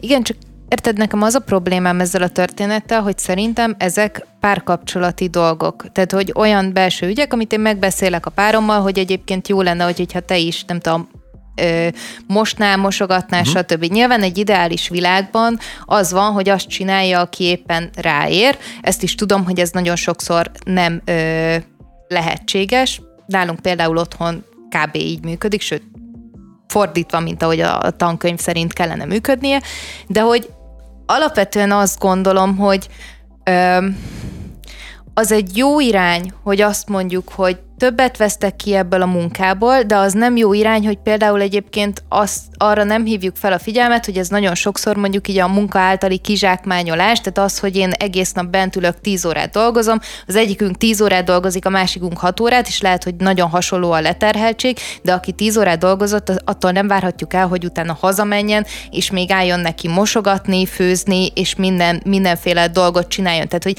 ez egy ilyen társadalmi kérdés, azon belül egy párkapcsolati kérdés, hogy ki hogyan ossza le a feladatokat, de én nem mondanám azt, hogy na erre aztán nagyon-nagyon-nagyon-nagyon fel kell hívni a figyelmet, hogy itt a nők nem kapnak semmiféle kompenzációt, és a kompenzációnál egyébként a másik, amit én ugye ezeket én is olvastam. A szörnyű, de hogy már nagyon, nagyon, igen, de hogy nagyon sokszor ezeket a, a tudja hol azokni, ő, ő mosogat, ő csinálja ezt, nem tudom, ezeket ilyen anyagi kompenzációkkal mm, így próbáljuk illetni, aminek kb. akkor van értelme, hogyha a vállás után kiderül, hogy én egész életemben feláldoztam magam a családomnak, ezért nem lett karrierem, na akkor hogyan osszuk meg a vagyon? Maximum ekkor van kb. értelme, szerintem. Ö, egy normális párkapcsolatban pedig tényleg azt gondolom, hogy hogyha te észreveszed, hogy te kevesebbet teszel bele ebbe a történetbe, akkor legalább megdicséred, vagy megköszönöd a párodnak, hogy ő ebben jobban csinál, és megpróbálsz odafigyelni ha, ha látod, hogy ez nem jó a párodnak, tehát hogy kivonod magad a házi munkából, és látod, hogy ő többet vállal, és ez neki nem jó, tehát ha uh-huh. ezt érzékeled, vagy uh-huh. egyáltalán azt érzékeled, hogy ez nem oké, nem oké uh-huh. a szituáció, akkor, akkor, akkor ott a kérdés, hogy szereted-e a párodat. Mert ha szereted, akkor igenis megteszed azt a lépést, hogy többet vállalsz, vagy rákérdezel, megbeszéled vele, de ha te eltűröd azt, hogy érzed a feszültséget benne, hogy na ezt most megint nekem kell, vagy fáradt, és, és aztán még, még ö, ö, extra házi munkát kell végeznie, és neked ez oké, okay, akkor ott konkrétan tényleg ennyiről van baj. szó, hogy nem szereted És az baj, és akkor, akkor, akkor lépjen ki a másik, a de ne az legyen nekem, hogy, hogy én azt érzem a, a, a barátomon, hogy neki az egy házi munka, hogy engem meg kell hallgatni, és akkor azt mondom, hogy te figyelj, így, így akkor, akkor így adok egy húszast, hogy most kösz, hogy meghallgattál, vagy tehát, hogy érted, ezt nem lehet szerintem így, így anyagilag kompenzálni. Mi azon vitatkoztunk az Eszterrel, hogy létezik -e egyáltalán érzelmi házi munka. Én azon az állásponton vagyok, hogy létezik. Tehát, hogy a feminizmus szerintem ilyen szempontból jól írja le a helyzetet. Valóban létezik érzelmi házi munka, és való igaz, hogy különösen a gyerekek tekintetében a nők sokkal többet tesznek bele, mint a férfiak. És ez számtalanokból van így, gyerekek is egyébként általában jobban kötődnek az anyjukhoz, egész egyszerűen nyilván nagyon sokszor a férfi a kenyérkereső, és, a, és emiatt a nő többet foglalkozik az otthoni dolgokkal, nagy, a nagy számok törvénye szerint nyilván a egyedi helyzetek azok mindig lehetnek ettől teljesen eltérőek. A probléma az az van, hogy a feminizmus az folyamatosan azt hangsúlyozza, hogy, hogy itt egyenlőnek kell lennie az érzelmi házi munkának, mert, mert hát ezért senki nem kap semmi kompenzációt. Hát itt nagy probléma van, nem kap senki semmi kompenzációt. Hát szerintem akkor van nagy probléma az érzelmi házi munkával, hogyha nem kap valaki kompenzációt, mert egyébként az érzelmi házi munkáért jár kompenzáció. Úgy nevezik, hogy boldog család. Úgy nevezik, hogy jó élet. Úgy nevezik, hogy minőségi idő, meg, meg minőségi uh, együttlét a családommal, a gyerekeimmel. Tehát az érzelmi házi munká uh, kapcsán a beteges az, hogy, hogy, hogy kizárólag, mint hogyha a feminizmusban kizárólag az lenne az értékmérő, hogy mi mennyi pénz. Mi, és ami ér nem pénz jár, hanem valami más, az, az már bennünket annyira nem érdekel, és egyébként én szerintem ez az egész hozzáállás generációnyi nőnek az életét nyomorítja meg, mert, mert így egy világtörvényé formálja azt, hogy a házi munka az valami iszonyantos, alantas dolog, ami valójában te egy szolga vagy, amiért semmi kompenzációt nem kapsz, és a patriarha meg élősködik rajtad, miközben valójában szerintem a házi munka is akár az érzelmire, akár a, a rendes házi munkára is igaz, hogy egyébként olyan munka, hogy nem kell adót fizetned utána. Tehát amikor te elmész bárhol dolgozni, akkor az van, hogy az állam elveszi 12 hónapnyi munkádból mondjuk 3-4 hónapot, és azt lenyúlja. Plusz ö, egyébként kihasznál a főnököd, aki profitot termel, mert akkor alkalmaz, hogyha, te plusz, ö, hogyha ő pluszos a napnak a végén, meg az évnek a végén. Tehát te dolgozol 12 hónapot, anna, annak a megtermelt jövedelemnek körülbelül a felét elviszi vagy a munkaadó, vagy az állam, vagy jóval többet, és, és eközben meg hazamész, hogy, hogy örüljél a családodnak, hogy milyen szép, miközben a házi munkánál nem fizetsz adót, és minden, amit csinálsz, az a saját örömödre van. A saját örömödet, meg a saját jólétedet, meg a családod jólétét szolgálja. Valójában a házi munka az a legjobb munka. Mind, mind, mind közül csak egy valamit kéne szeretni úgy, úgy állni hozzá, hogy ez egy jó dolog, és abban a pillanatban... Hogy a szeretetésa kell egy mondatban, és, és, és nem a, áll meg. Hát de, de szerintem meg, megáll. Kezd, kezdünk nagyon fura irányt vetni, tehát hogy egyrészt mossuk össze a házi munkát a, a, az érzelmi házi munkával, ami szerintem ugye nem Hát egy fajtája, a házi munkának egy fajtája az érzelmi de, de, Jó, de nem, nem ugyanaz, nem tudom, amit, így, amit én olvastam, az az, hogy megjegyzem, hogy a páromnak a, a szüleinek mikor van a, a születésnap, és az, erre az a legkevesebb, nem. Még Beszélgetni a gyerekekkel, miért Jó, András, tehát, hogy azt én nem tudom elfogadni, vagy szóval én azt gondolom, hogy ott probléma van, hogyha nekem a családommal, a barátaimmal, vagy a, a, a, a fiúmmal való beszélgetést, ezt tényleg egy kínnak kell megélni, az meg de miért, munkának, a munka az meg miért ne... kín? De az miért kín? A munka, az, hogyha az embernek az de a... hívjuk munkának, de már könyörögve kérlek. Munkának, az a baj, mert ez, ez a konnotációja. Erre a munka tőke tengelyre fölhelyezted ezt a kifejezést. Nem én, könyörgöm, a feminizmus helyezte de fel. Én csak értelmezem. ezt a vasat. Én csak, én csak azt mondom, hogy ha ez tényleg munka, akkor egy tök jó munka. Csak ennyit állítok. De ez nem jó, én de ez, oda. jó, de ez más, mint a, a hagyományos házi munka, amire te azt mondod, hogy nagyszerű, hogy nem kell utána adózni, és csak a boldogságot kapod érte cserébe, azért ez nem így működik, ezt lássuk be. Egyrészt nem kapsz érte semmilyen fizetést, másrészt pedig azért az, hogy boldogságot kapsz-e viszont, vagy nem, ezt nyilván mindenki máshogyan éli meg, és van, akinek ez nem feltétlenül a saját döntése és választása, hogy ő abba a helyzetbe kényszerül.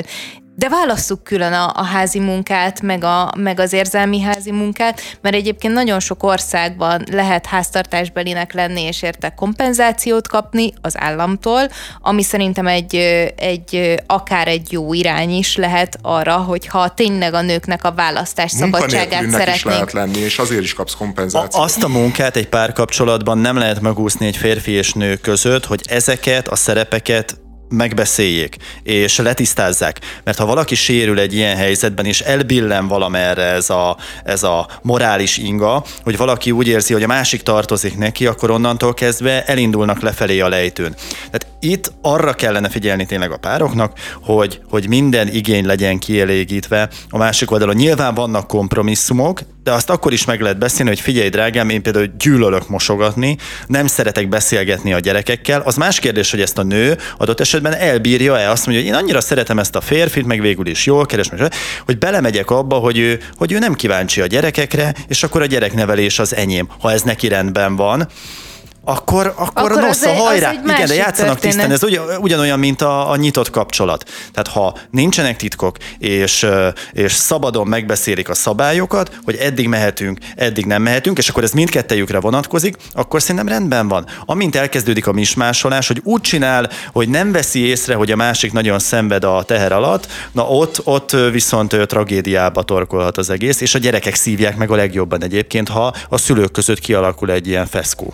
Igen, igen, és azt tényleg hangsúlyozni szeretném, hogy az, hogy nem tudom, hogy mosogatni, porszívózni, mosni, stb., az nem tartozik bele ebbe az úgynevezett érzelmi házi munkába. Itt tényleg olyan dolgok, hogy fejben kell tartani valamit. De, ne, de, de figyelj, erről, akadj le erről a fejben kell tartani, nincs, ne, nem ez, tehát hogy ez egy, egy rossz példa, amit olvastál. Az érzelmi házi ha munka... Tamás ugyanezt a rossz példát igen, olvasta, csak te olvastál egy jó példát. Hát igen, tűnik. valószínűleg én olvastam a szakirodalmat. Sa, sa, elnézést, Na. bocsánat, sajnálom, hogy ö, megfelelő forrásokból tájékozódom. Az érzelmi csak ház... a Wikipédiát olvassuk. Az érze, érzelmi házi munka alatt azt érti ö, ö, a feminista diskurzus, amikor olyan típusú, olyan, olyan típusú ö, munkát, beszélgetést, házi munkát végzel, amit mondjuk például egy pszichológusnál tudnál kiváltani. Tehát, hogyha mit tudom én, látod, hogy a gyereked nagyon be van feszülve. Nem az, hogy neked eszedbe jut, mert tartod a fejedbe, hogy a nagymamának születésnapja van, hanem hazajön a gyerek rossz kedvűen,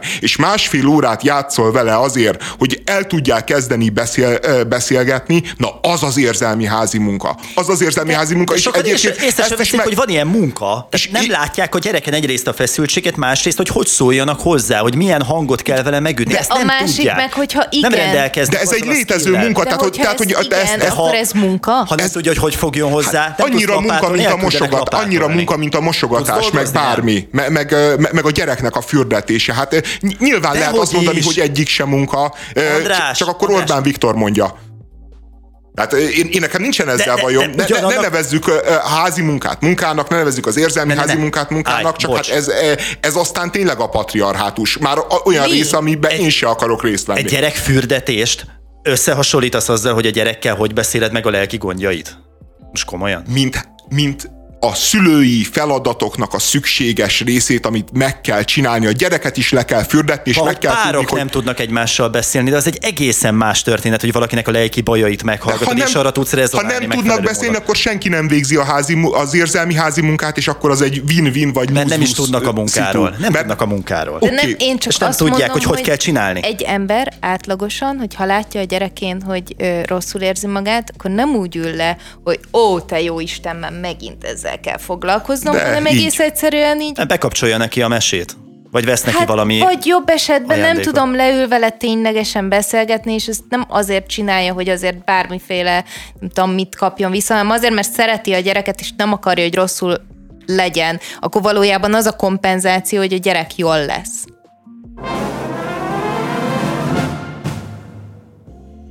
Ez kérem egy nemzeti összetartozás emlékműve Somoskő új falun prezentálta Hatházi Ákos független országgyűlési képviselő. A 20 millióból készült installációt most nagyon elnyújtottam az óbetűt, hogy 20 millióból, nyilván ez egy ö, nagy összeg, de érdemes megnézni azt az installációt. Tehát akinek van lehetősége rá, ne azok, akik most éppen autót vezetnek, de ha otthon vannak, vagy felvételről hallgatják vissza, akkor mindenképpen keressenek rá, hogy ez hogy néz ki. Hatházi Ákos is közzétette a Facebook oldalán, de egyéb más hírekben is megtalálható.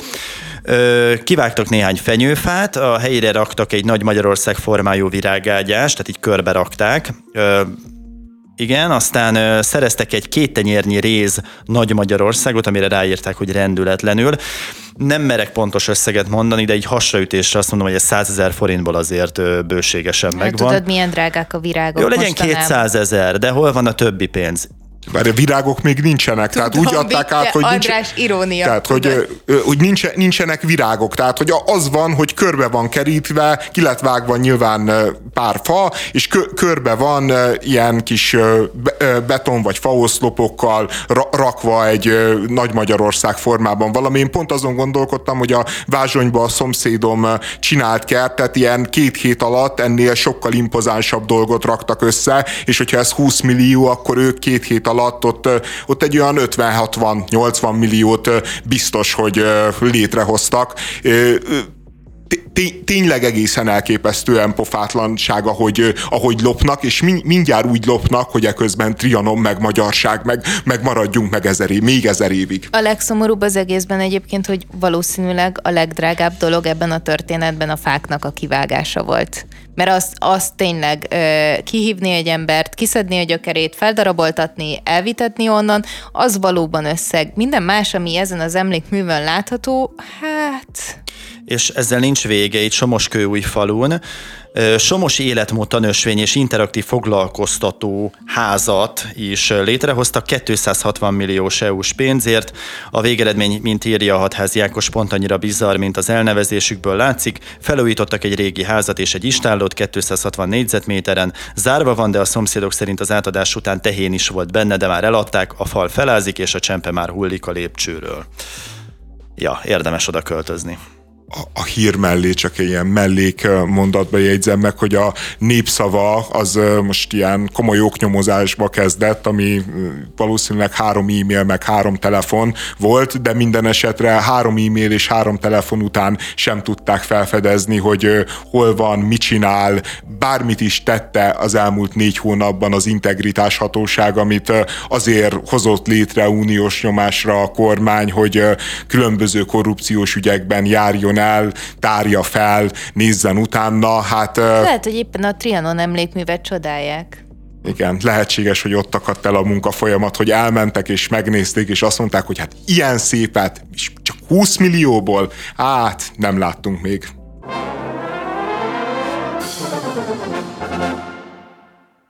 Egy 19 éves srác szórakozásból rendelt egy ma igen népszerű házilag elkészíthető DNS tesztet, valószínűleg azért, hogy megtudja, milyen származásúak.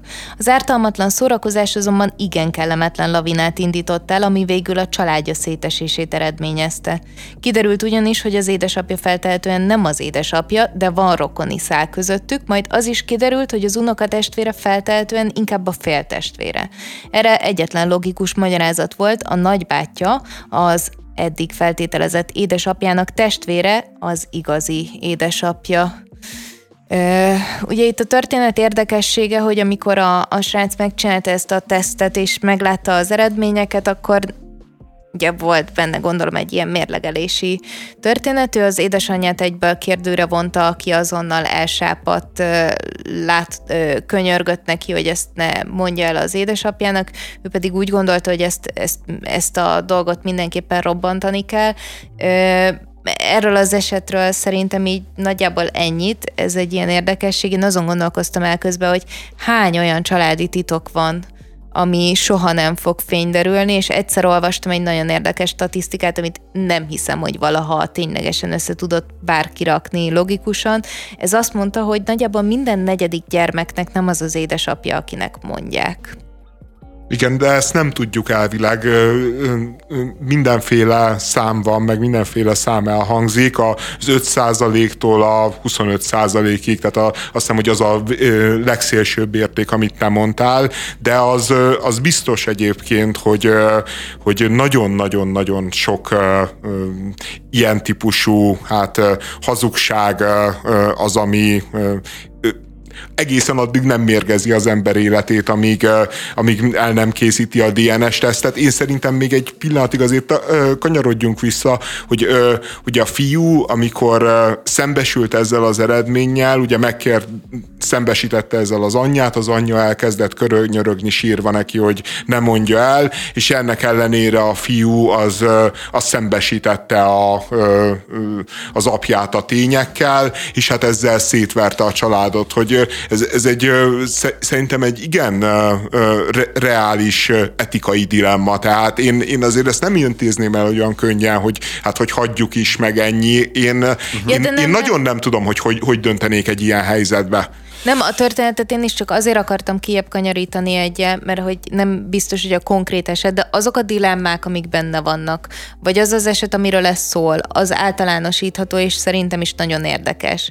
Ahogyan döntenél, én se tudom megmondani, de az tök egyértelmű, vagy nekem egyértelmű, és közben meg lehet, hogy nincsen igazam, hogyha tinédzser koromban, vagy hát így a, a 19 évesen csináltam volna egy ilyen DNS tesztet, akkor valószínűleg már csak dacból is ugyanígy döntöttem volna. Én azokat a filmeket szeretem, amikor ezt az etikai dilemmát felrajzolják nekünk, és és az egyik út az mondjuk a törvény útja, vagy a tisztesség útja, az igazság útja, de ugyanakkor pedig ott van a, a kegyelem útja, ami, ami szavakkal és egy etikai koordinátorrendszerben szinte el sem helyezhető. És, és, és ilyen például egyébként, akkor inkább mondok két filmet, mielőtt tovább lamentálnék ezen. Ez a 2007-es Hideg nyomon című film, ami hirtelen eszembe jutott Casey Affleckkel a főszerepben. Ott egy alkoholista, a gyermekét elhanyagoló anya mellől rabolják el a négy éves kislányát, és kiderül, hogy ez egy rendőrségi szövetkezés, amelynek eredményeképpen a gyermek elkerül onnan, és egy már leköszönő rendőrfőnök az, aki titokban elkezdi nevelgetni ezt a gyermeket. Morgan Freeman játsza ezt a főszerepet, és van egy nyomozónk, a Casey Affleck, aki Bostonban utána jár ennek az ügynek, és észrevesz olyan részleteket, hogy összerakja a puzzle és akkor a végén leleplezi ezt. No, és akkor ott van az ő barátnője és egyben kollégája is, ha jól emlékszem, és, és ott van a nagy etikai dilemma, hogy akkor most jelentse a hatóságoknak, hogy megvan a kislány, amikor pontosan látja, hogy így a, a gyermeknek lehet egzisztenciája, egy nyugodt, józan családi környezetben nőhet fel, vagy kerüljön vissza a vér szerinti édesanyához, aki őt hát semmibe vette, és, és nem mindig etette meg, nem olyan körülmények között nőhetett föl, nem tudott fürdeni minden nap, az iskoláztatása a jövőben nehézkessé válik, és ezáltal lehet, hogy egyébként a társadalmi ranglétrán egy olyan, olyan fokra fog majd megérkezni, ahonnan nem tud előrelépni, mert azért a társadalmi mobilitás sem túl erős az amerikai Egyesült Államokban. Tehát egy biztos jövő, vagy pedig egy bizonytalan jövő, de az anya mellett, és akkor ő a jogot választja, és azzal végződik a film, hogy emiatt a barátnője elhagyja. Valamikor nincs jó döntés, nincs jó válasz, mert nem látod a kimeneteleket előre, hogy, hogy ha erre megyek, akkor ez fog történni, ha arra megyek, az fog történni. Um, és még azt sem tudom mondani, hogy az ember ilyenkor a szívére hallgasson, mert, mert hát hányan tudnak hozzáférni. Hányunknak van hozzáférésünk a szívünkhöz, a, a lelkiismeretünkhöz, ahhoz az intuícióhoz, ami, én szerintem mindenkiben ott van mélyen belül, de a társadalmi elvárások, a félelmek, azok ott kavarognak a mi lelkünkben, és elkendőzik ezeket, és, és lehet, hogy hamis szirén hangokat hallunk meg, és mondjuk a jog hangját halljuk meg akkor, amikor mondjuk a valós lelkiismeretünkről beszélünk. Tehát minden szempontból ez egy számomra kibogozhatatlan rejtély, nem tudom, hogy hogy döntenék, és bárki azt mondja, hogy ő tudja, hogy abban a helyzetben hogy döntene, az hazudik, mert bele kell kerülni abba a szituációba, meg egy, egy olyan családi környezettel a hátad mögött tudsz te biztosat mondani, ott abban a helyzetben, hogy miként dönteni, egyébként ez csak feltételezés, és akkor gyorsan még egy film, ez a 2018-as Bolti Tolvajok az egyik kedvenc filmem, ott is hasonló a helyzet.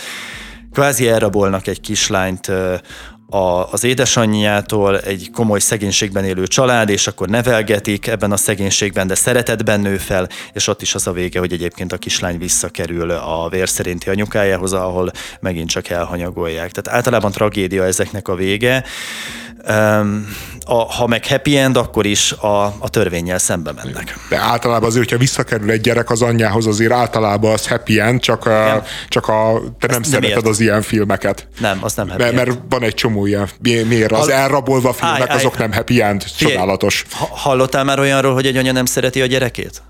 Igen, csak az elrabolt gyerekeknek a nagy részét szeretik a szülők, erre mondom. Nem. Ja, értem, bocs. De, tehát nyilván ezek, az ügyek egyébként... De ez most két olyan film, ahol nem ez történt. Igen, azért más egyébként ez, mert, mert itt, itt valójában a, a főhősön belül van a dilemma, tehát a, a, egy külső szemlélőn belül, belül van a dilemma, hogy ő a szakmájának a szabályaihoz legyen hűséges, az esküjéhez, amit letett, vagy lépjen ki abból a szerepből, kvázi árulja el a, a munkáját és a hivatását, és, és döntsön úgy, ami helyesnek tűnik, bár persze nem biztos, hogy az a helyes. A, e, ebből az esetben viszont azért érdekesebb ez a szituáció, mert itt tényleg az absztrakt igazság áll szembe a, a, a, a, a mm, azzal, hogy, hogy, hogy elpusztul-e egy család. Tehát a, igazából úgy döntesz, hogy ha igaz az a mondás, hogy hazugságban élni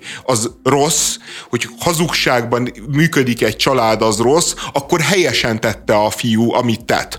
Ha viszont nem igaz ez a mondás, és hazugságban igenis működhetnek jól családok, igaz, igazából a hazugságra lehet alapozni párkapcsolatot, gyerekvállalást, közös lakáshitelt, akkor viszont rosszul döntött. És, és én is egyébként azt gondolom, tehát, hogy én valószínűleg most azt mondanám, hogy nem mondom el a fiú helyében az apának, részben azért mert, na jó, pontosítsunk, mert itt azért ezek személyes viszonyok is. Tehát, hogyha én szeretem az apámat, akiről eddig azt tudtam, uh-huh. hogy az apám, és ő jól nevelt engem, akkor én ezt nem mondanám el, és soha nem akarnám, hogy, hogy ilyen módon legyen egy törés akár a kettőnk kapcsolatában, meg hogyha anyámmal jó a viszonya, nyilván azt se akarnám tönkretenni. Most, hogyha az apám utál, az anyám egy vérszívó, és azt akarom, hogy balhízzanak össze, akkor meg megteszem. De, de mondjuk jó esetben én azt gondolnám, mondanám, hogy hazugságra is lehet építeni kapcsolatot, hazugságon is tudnak működni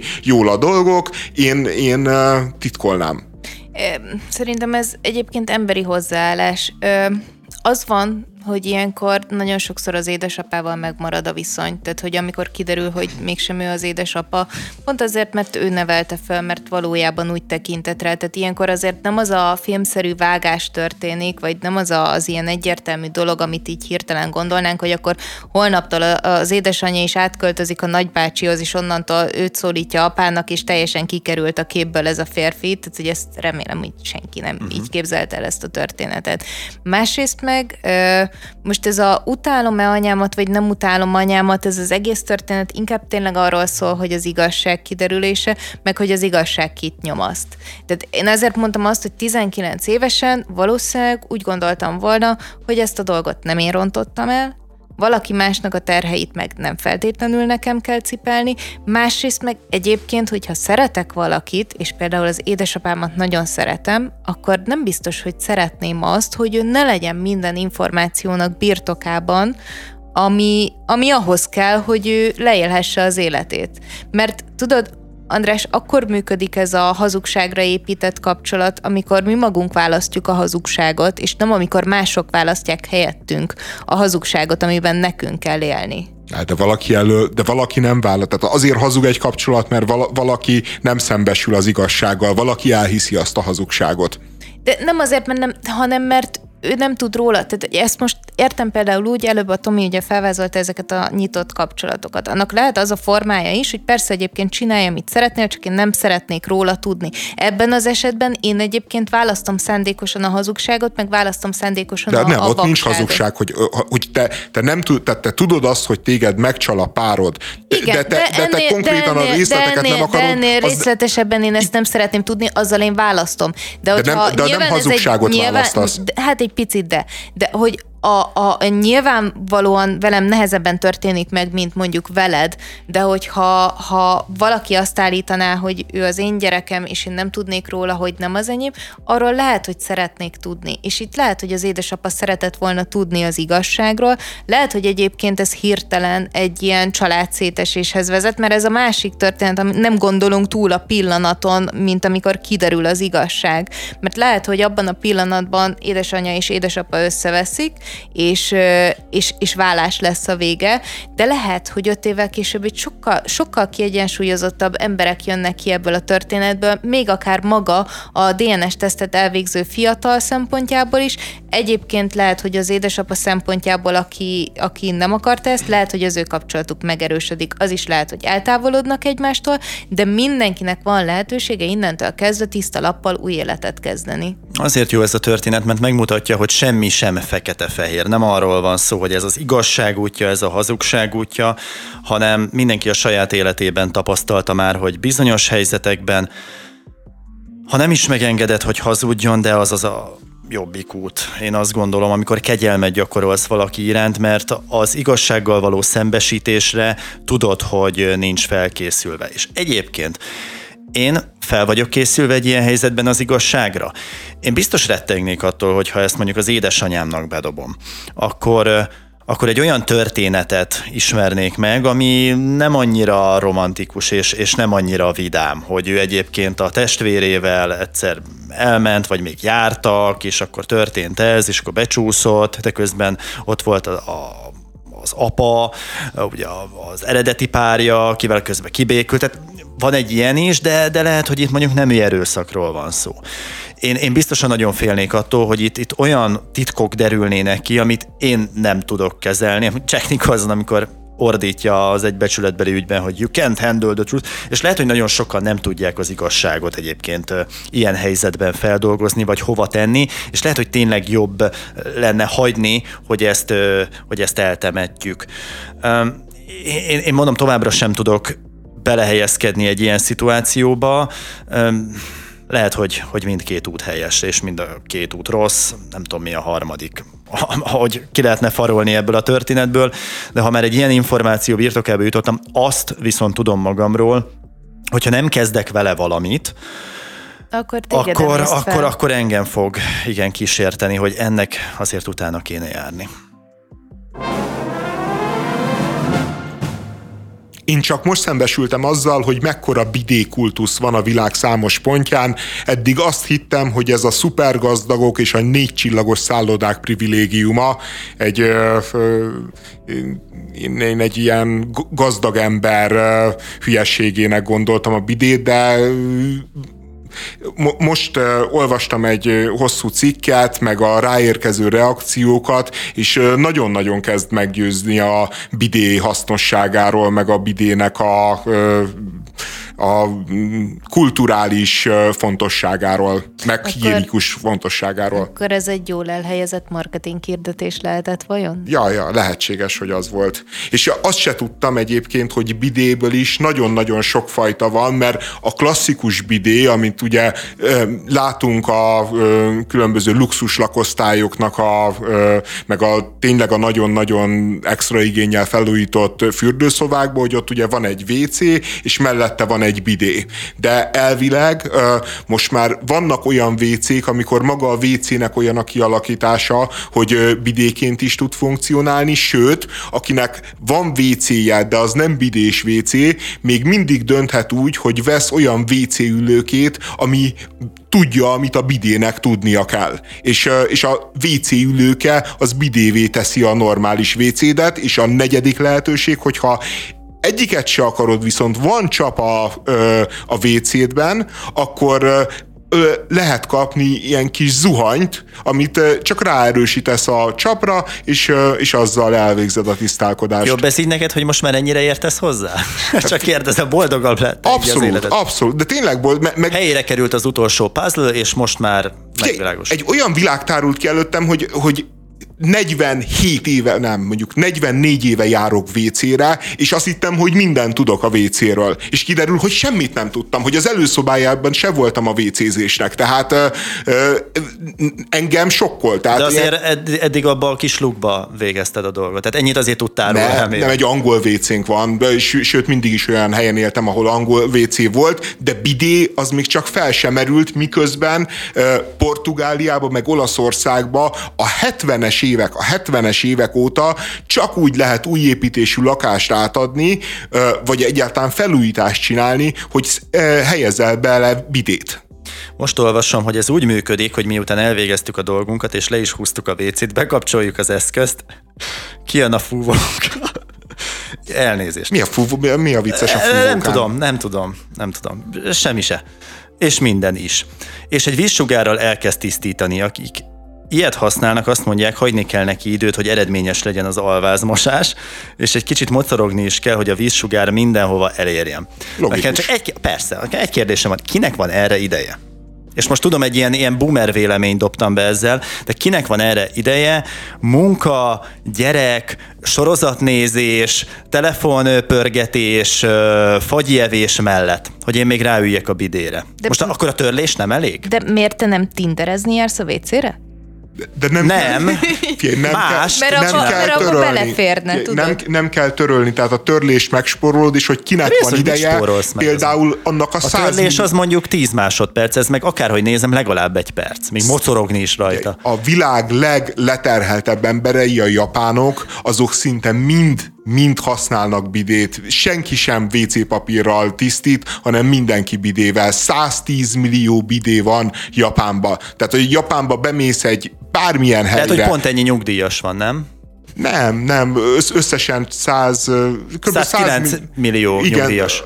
Nem, nem, összesen annyian élnek Japánban, tehát hogy minden, kb. szinte minden Japánra jut egy bidé, tehát hogy olyan 100 milliós nagyságrendű Lassan egyébként ivós játékot kell csinálni arra, hogy Tasnádi András kimondja a bidé szót, akkor mindenki felhajt egy felest.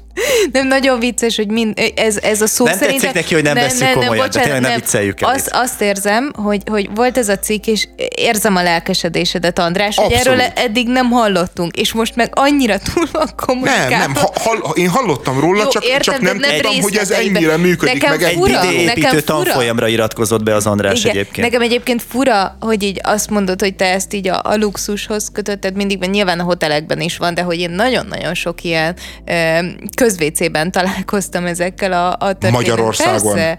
És te azt hiszed, hogy az a WC. Tessék?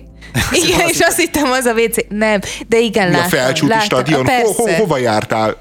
Mondja, mondjad be azt a közintézményt, ahol... Én nem emlékszem, hogy még volt a közintézmény, Jó, hát de valószínűleg egyet, Vácon hát, volt. Tehát, hogy én, én ezzel találkoztam, ezzel öltözőkben, meg, meg, meg nem tudom. Vácon az öltözőkben bidé én, van. Én úgy emlékszem, hogy igen, de tehát, hogy így kövezzenek meg, hogy de, de. Komoly, és, és Szidod Orbán Viktor. Tehát, de, most, ne, hogy mondjam, nem, volt, hogy nem, én, volt, nem volt köze neki ahhoz. Tehát, ezt hogy még ez... a Gyurcsány csinálta? Hát, még, még... a Gyurcsány bidésítette Vácot. Szerintem. Hát, mert szerintem egyébként Vác az egyetlen, ami bidével jól ellátott de, ne, de nem, azt mondom, hogy jól, de hogy én ezeket láttam azért máshol, szerintem. De minek külön bidé? Én egy csomó olyan WC-re ültem rá, ahol ha lehúztad, akkor fröcsögött fölfelé a víz. Jaj, ne, ne, hát az, akkor, az akkor, olyan Akkor rögtön egy helyen na, az, na, az egyébként nagyon-nagyon veszélyes. Tehát, hogy lehet, hogy még rád de nem, de a lányokra fertőz... egyébként kifejezett. Hát, ja, abszolút fertőzés veszélyes, és egyébként ez a bidé most így röhögünk rajta, meg, meg azt mondjuk, hogy micsoda hülyeség, de hát kb. így álltak a szappanhoz a középkori emberek. Én nem és nevetek rajta, én azt a fajta lelkesedést imádom, ahogyan ehhez így, így, így egy telex cikk után így És így az lehet... az ürítés megvan, amikor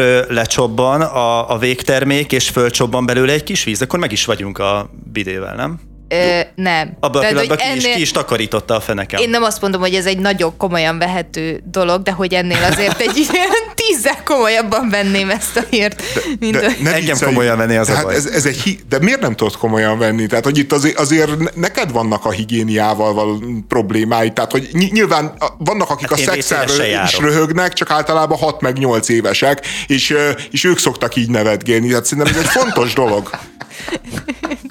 Tényleg, nem, tényleg nem akarok személyeskedni, meg megbántani, de hát, hát az a helyzet, hogy te, te, begázoltál belém, meg te személyeskedsz velem. Tehát, hogy szerintem ez egy igenis fontos dolog, hogy az ott tiszta legyen. Hogy ez, ha, ha valami közérdek, meg ha valami közérdekű, az, az tényleg nem a... A WC papírról nem lesz tiszta?